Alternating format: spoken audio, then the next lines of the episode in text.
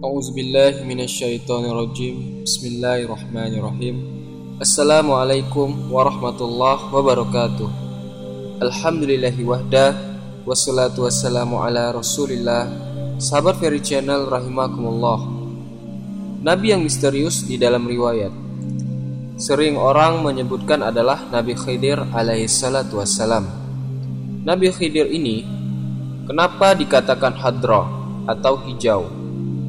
Karena di mana pun tempat yang kering Di dalam sahih Bukhari disebutkan Kalau dia duduk di atas rumput Rumput yang kering akan menghijau jadinya Makanya dia dinamakan Khidir. Dan tidak ada riwayat yang mengatakan orang tuanya siapa, keturunannya siapa, itu tidak ada. Tapi kita wajib mengimani keberadaan para nabi-nabi ini. Karena jumlah nabi ini banyak, ada 124 ribu nabi. Cuman yang wajib kita ketahui hanya 25 orang saja. Nah, Nabi Khidir ini bukan termasuk rasul. Dia hanya seorang nabi Beliau ini mendapatkan wahyu dari Allah Subhanahu wa taala.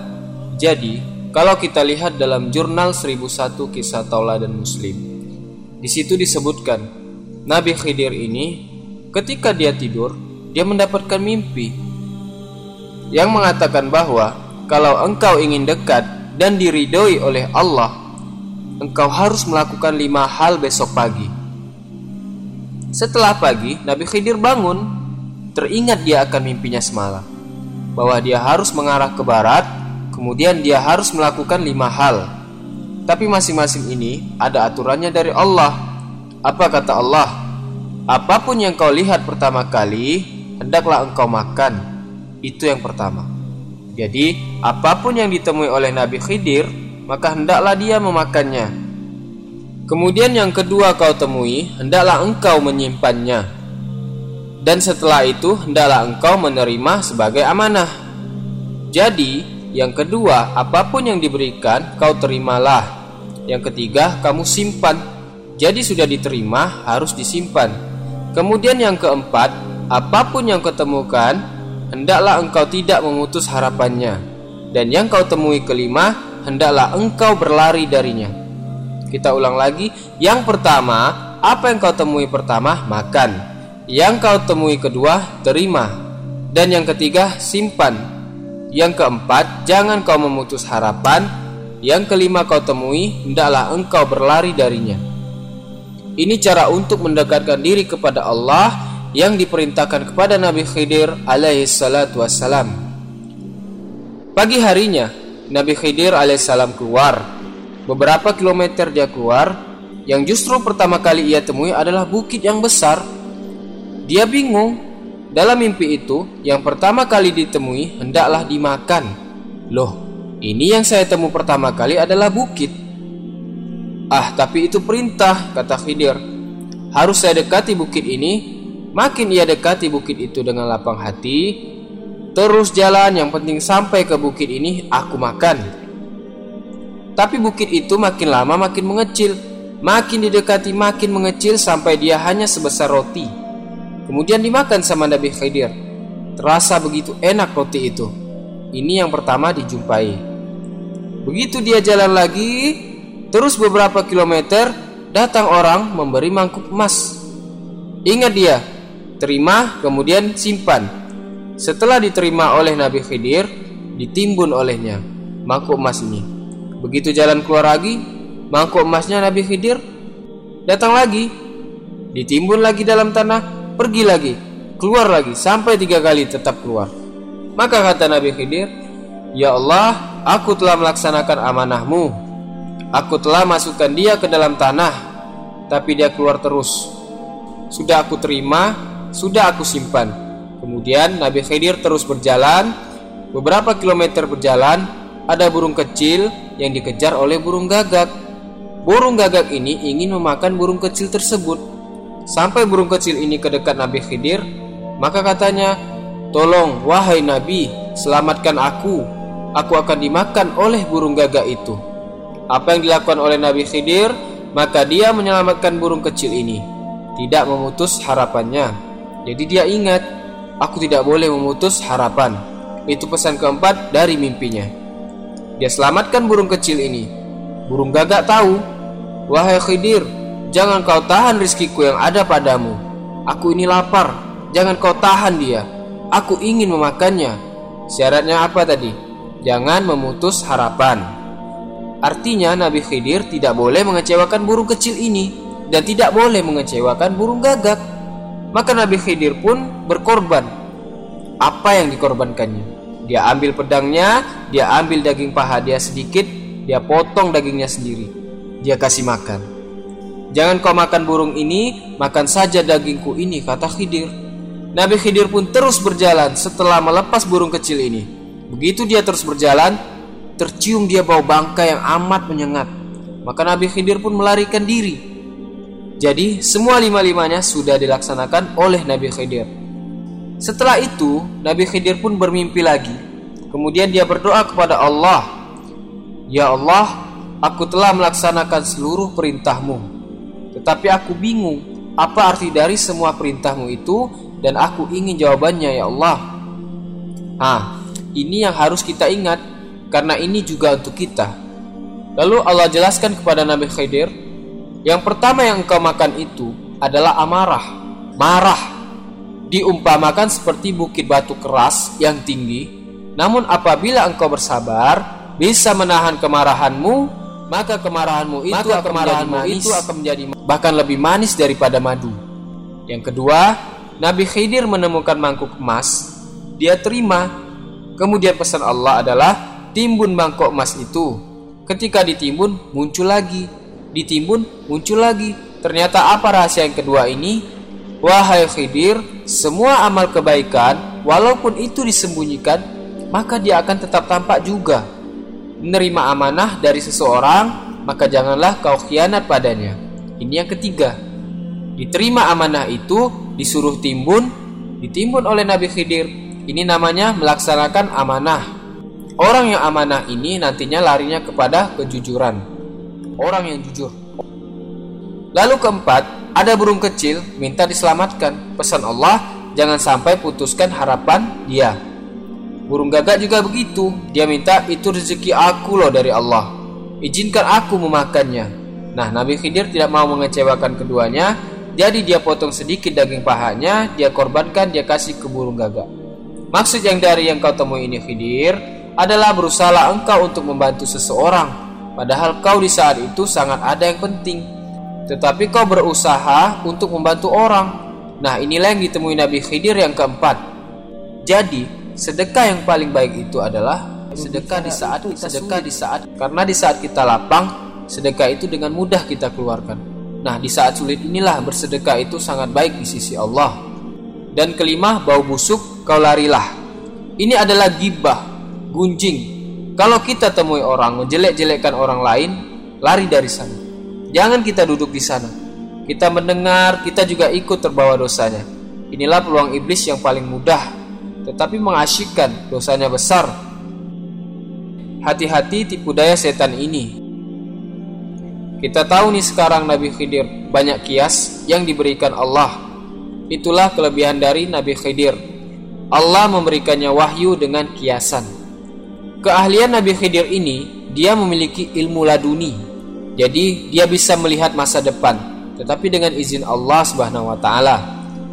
Dan apa hubungannya dengan Nabi Musa alaihissalam?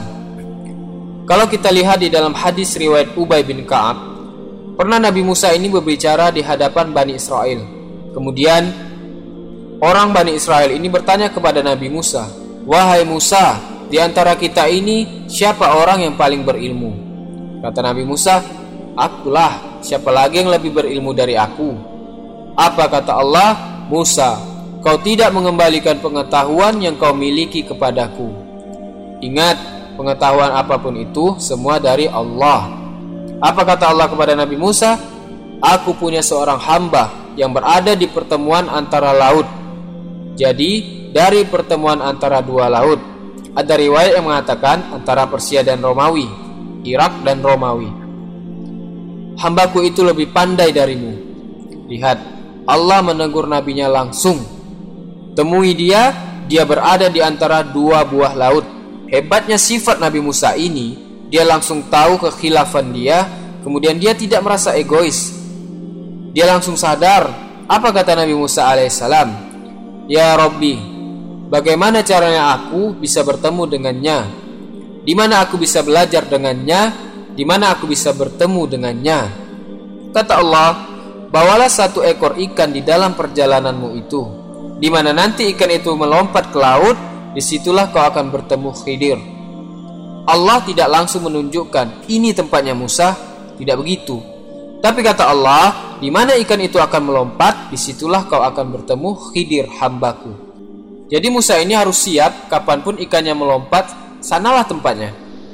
Dan dalam riwayat yang lain disebutkan, jadi untuk mempersiapkan perjalanan itu, Nabi Musa alaihissalam ini memotong ikan yang di atas digoreng dulu. Nah, bagian bawah ini untuk stok pulang digoreng aja ikannya dulu.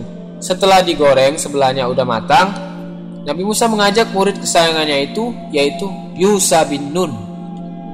Bawalah ikan itu dan simpan di tempat.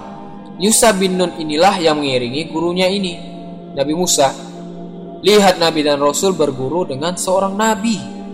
Jadi jangan pernah merasa diri kita ini hebat. Ini buktinya Nabi Musa alaihissalam seorang Rasul belajar sama Nabi Khidir yang tidak diwajibkan untuk punya umat. Lalu dibawalah. Ketika sedang jalan-jalan-jalan, Nabi Musa ngantuk. Nabi Musa tertidur. Nah, muridnya lah yang jaga, Yusa bin Nun. Alangkah terkejutnya Yusa bin Nun ini, ikan yang sudah digoreng atasnya tadi lompat. Yusa bin Nun tidak tahu bahwa itu adalah tandanya. Karena yang tahu tandanya adalah Nabi Musa. Cuma Nabi Yusa bin Nun ini heran aja lihat ikannya. Loh, kok ikan udah matang lompat, dan berjalan dengan cara yang sangat aneh. Yusa bin Nun ini lupa. Begitu Nabi Musa bangun, diajak Yusa bin Nun, dah, ayo kita melanjutkan perjalanan. Jalanlah mereka. Yusa bin Nun ini emang lupa untuk cerita kepada Musa. Sekian lama ia berjalan, Nabi Musa pun merasa lapar. Waktu lapar itu dia katakan kepada muridnya, Atidah koda analakot lakina min safarina haza nasoba. Sini bawa makanannya. Aku sudah letih karena perjalanan ini. Mana makanan tadi? Bawakan kemari. Apa kata Yusuf bin Nun? Maafkan aku guru. Waktu kau tertidur tadi, aku melihat ikan itu melompat dan berjalan dengan cara jalan yang aneh. Apa kata Nabi Musa? Itulah tempat yang kita cari. Itu dia. Ayo kita balik lagi ke tempat ikan tadi melompat. Itulah tanda dua pertemuan laut yang akan menemukan aku dengan Khidir. Begitu sampai di sana, Nabi Musa melihat seorang laki-laki yang tertutup kain. Lalu Nabi Musa mengucapkan salam kepadanya. Assalamualaikum. Setelah itu, Nabi Khidir bertanya kepada Nabi Musa, "Berasal dari manakah salam yang kau ucapkan tadi?" Berkata Musa, "Aku adalah Nabi Musa." Sambil tersenyum, Nabi Khidir mengatakan, "Ya, aku tahu kau adalah Musa, nabinya Bani Israel." Kata Nabi Musa, benar. Setelah itu Nabi Musa menyambung, Hal attabi'uka ala antu alimani mimma ulimta rusda. Kola, innaka lan tastati'a ma iya sobroh. Kata Nabi Musa, Bolehkah aku mengikutimu supaya kamu mengajarkan kepadaku ilmu yang benar di antara ilmu-ilmu yang telah diajarkan kepadamu? Bolehkah aku berguru denganmu? Seorang nabi dan rasul berguru kepada seorang nabi. Adab yang luar biasa. Kata Nabi Khidir, kalau belajar sama aku, kau tidak akan sanggup sabar Musa. Apa kata Nabi Khidir? Wahai Musa, aku ini mengetahui satu ilmu dari Allah yang hanya diajarkan kepadaku saja. Kamu tidak mengetahuinya. Begitu juga sebaliknya Musa, kau juga diajarkan Allah ilmu yang diajarkan kepada kau saja dan aku juga tidak mengetahuinya. Nabi Musa alaihissalam setelah mendengar kata Nabi Khidir, kau tidak akan sanggup sabar kepadaku. Kau boleh ikut denganku, tetapi jangan pernah kau bertanya sebelum aku menjelaskan. Itu saja syaratnya Musa. Apa kau setuju? Setuju. Kata Nabi Musa alaihissalam, Insya Allah kau akan mendapatiku sebagai orang yang sabar dan aku tidak akan menentangmu dalam suatu apa pun. Dalam surah Al-Kahfi ayat 69. Mulailah mereka berjalan berdua. Setelah berjalan, Nabi Khidir mengajak Musa ke suatu tempat. Nah, dilihat tuh ada perahu, dipanggil yang punya perahu tersebut. Bolehkah kami menumpang perahu ini untuk ke sana? Kata orang ini, boleh, dan aku tidak akan mengambil upah kepadamu. Naik Nabi Musa dan Nabi Khidir berbincang-bincang, begitu sampai di seberang, Nabi Khidir melihat ada seekor burung yang sedang meminum air laut dan mematuknya dua kali. Apa kata Nabi Khidir kepada Musa? Wahai Musa, ilmuku dan ilmumu sama dengan dua patuk burung meminum air tadi. Dan bandingannya dengan ilmu Allah, ialah air laut yang sangat luas itu. Ini nasihat Nabi Khidir. Jangan pernah sombong, jangan pernah sombong dengan ilmu yang setelah sampai, Nabi Khidir berjalan, dia agak ke belakang perahu itu, dilubangi perahu itu. Nampak oleh Nabi Musa. Apa kata Musa? Wahai Khidir, apa yang kau lakukan? Tukang perahu ini sudah mengantar kita menyeberang tanpa meminta imbalan, tapi kau melubangi perahunya. Maka Nabi Khidir, alam akul innaka lan tastati'ah ma iya sobroh. Aku kan sudah ngomong Musa, kau tidak akan sanggup bersamaku. Dan syaratnya tadi apa? Jangan bertanya sebelum aku menjelaskan. Nabi Musa menyadari kesalahannya Jangan kau hukum karena kelupaan aku, wahai guruku. Dah berarti satu kali kau sudah gagal, Musa. Lanjut perjalanan. Pas berjalan itu, nampak anak laki-laki yang sedang bermain-main bersama teman-temannya. Nabi Khidir tarik rambut anak itu. Langsung dibunuhnya anak itu. Kaget Nabi Musa. Mengapa kau membunuh jiwa yang bersih, Khidir? Kenapa kau bunuh anak itu? Dia tidak ada bunuh orang lain. Kau ini melakukan sesuatu yang mungkar Main tarik aja anak kecil langsung kau bunuh. Apa kata Nabi Khidir? Alam akul inna lan tastati'ah ma iya sobroh. Aku kan sudah ngomong, kau kalau berguru sama aku, kau tidak akan sanggup sabar. Apa kata Nabi Musa? Maafkan aku guruku. Baiklah, setelah ini jika aku bertanya kepadamu lagi, janganlah kau menyertaiku untuk ikut denganmu lagi. Dan mereka pun melanjutkan perjalanan. Sesampainya di suatu perkampungan, dia minta makan kepada orang kampung di sana. Karena mereka lelah habis berjalan, tetapi tidak ada satu orang pun yang mau memberi mereka makanan. Tiba-tiba Nabi Khidir melihat ada dinding rumah orang yang mau roboh. Apa kata Khidir? Aku akan menegakkan dinding rumah ini. Lalu ditegakkanlah dinding rumah itu. Kata Musa, kalau kau mau Khidir, bisa kau ambil upah untuk itu. Nah, di situlah Nabi Khidir mengatakan, inilah perpisahan antara aku dan kamu. Dah tiga kali, kau tidak boleh bertanya, batas sudah habis. Apa kata Rasulullah? Semoga Allah menganugerahkan rahmat kepada Musa alaihissalam. Tentu kita sangat menginginkan sekiranya Musa dapat bersabar, mungkin akan banyak kita tahu tentang urusan keduanya. Itu dalam hadis Bukhari nomor 122. Maka Nabi Khidir menjelaskan kepada Nabi Musa alaihissalam Perahu yang aku lubangi itu, dia adalah seorang nelayan yang miskin. Kalau sempat tadi dia berjalan ke tengah laut, kapalnya akan dirampok, dizolimi oleh raja. Akan diambil kapalnya itu, makanya aku membolongkannya. Lebih baik dia kesusahan memperbaikinya daripada dia kehilangan kapalnya. Jadi terkadang Allah begitu juga ke kita. Kita diberi Allah musibah kecil untuk menyelamatkan kita dari musibah besar. Makanya jangan pernah Makanya kita jangan pernah kita, kita ketika musibah. kita ditimpa. Bisa jadi Allah sedang menyelamatkan kita dari musibah yang lebih besar. Kita banyak saja mendekatkan diri kepada Allah agar keburukan itu Allah ganti menjadi kebaikan. Itu yang dilakukan Nabi Khidir. Daripada hilang kapalnya lebih baik bolong, tapi sudah diperbaiki. Karena mungkin saja setelah dirampok kapalnya ia malah dibunuh juga. Ini ilmu yang luar biasa Allah titipkan kepada Nabi Khidir alaihissalam. Kemudian, anak kecil yang aku bunuh itu Musa, kedua orang tuanya adalah orang soleh. Dan ditakutkan anak inilah yang akan membawa orang tuanya ke dalam neraka. Jadi aku berharap kepada Allah, Allah ganti dengan anak yang lebih baik. Jadi anak ini aku bunuh agar tidak menyulitkan orang tuanya. Tapi itu hanya untuk Nabi Khidir. Kalau kita tidak boleh seperti itu. Ini hanya untuk Nabi Khidir alaihissalam. Nah, kemudian yang ketiga, itu rumah milik anak yatim. Kedua orang tuanya orang soleh. Dan dia menyimpan harta di bawah itu. Aku melakukan ini bukan dari kehendakku Musa, tapi Allah yang memerintahkan kepadaku. Maka aku perbaiki rumah itu supaya harta itu tetap aman. Dan nanti anak-anak mereka bisa mengambil manfaat dari harta itu. Di situlah Nabi Musa alaihissalam mengakui aku tidak hebat. Allah yang maha hebat. Allah. Dan ada orang yang lebih berilmu daripada aku. Dan ternyata aku gagal berburu dengan orang yang hebat itu. Diriwayatkan Umar bin Khattab bahwa Rasulullah SAW bersabda Saudaraku Nabi Musa alaihissalam berkata Ya Allah perlihatkanlah kepadaku apa yang pernah kau perlihatkan kepadaku ketika berada di atas perahu Maksudnya Musa adalah Aku ingin ketemu dengan Khidir Allah kemudian memberikan wahyu, engkau akan melihatnya Musa. Tidak lama berselang, Khidir datang menemui Musa alaihissalam dengan aroma wangi yang sangat semerbak dan berpakaian sebab putih yang indah. Lalu ia berkata, salam keselamatan untuk wahai Musa. Allah menitipkan salam dan rahmatnya kepadamu. Nabi Musa menjawab, dialah keselamatan. Kepadanya lah semua keselamatan kembali. Dan darinya semua keselamatan. Segala puji milik Allah, Tuhan seluruh alam semesta.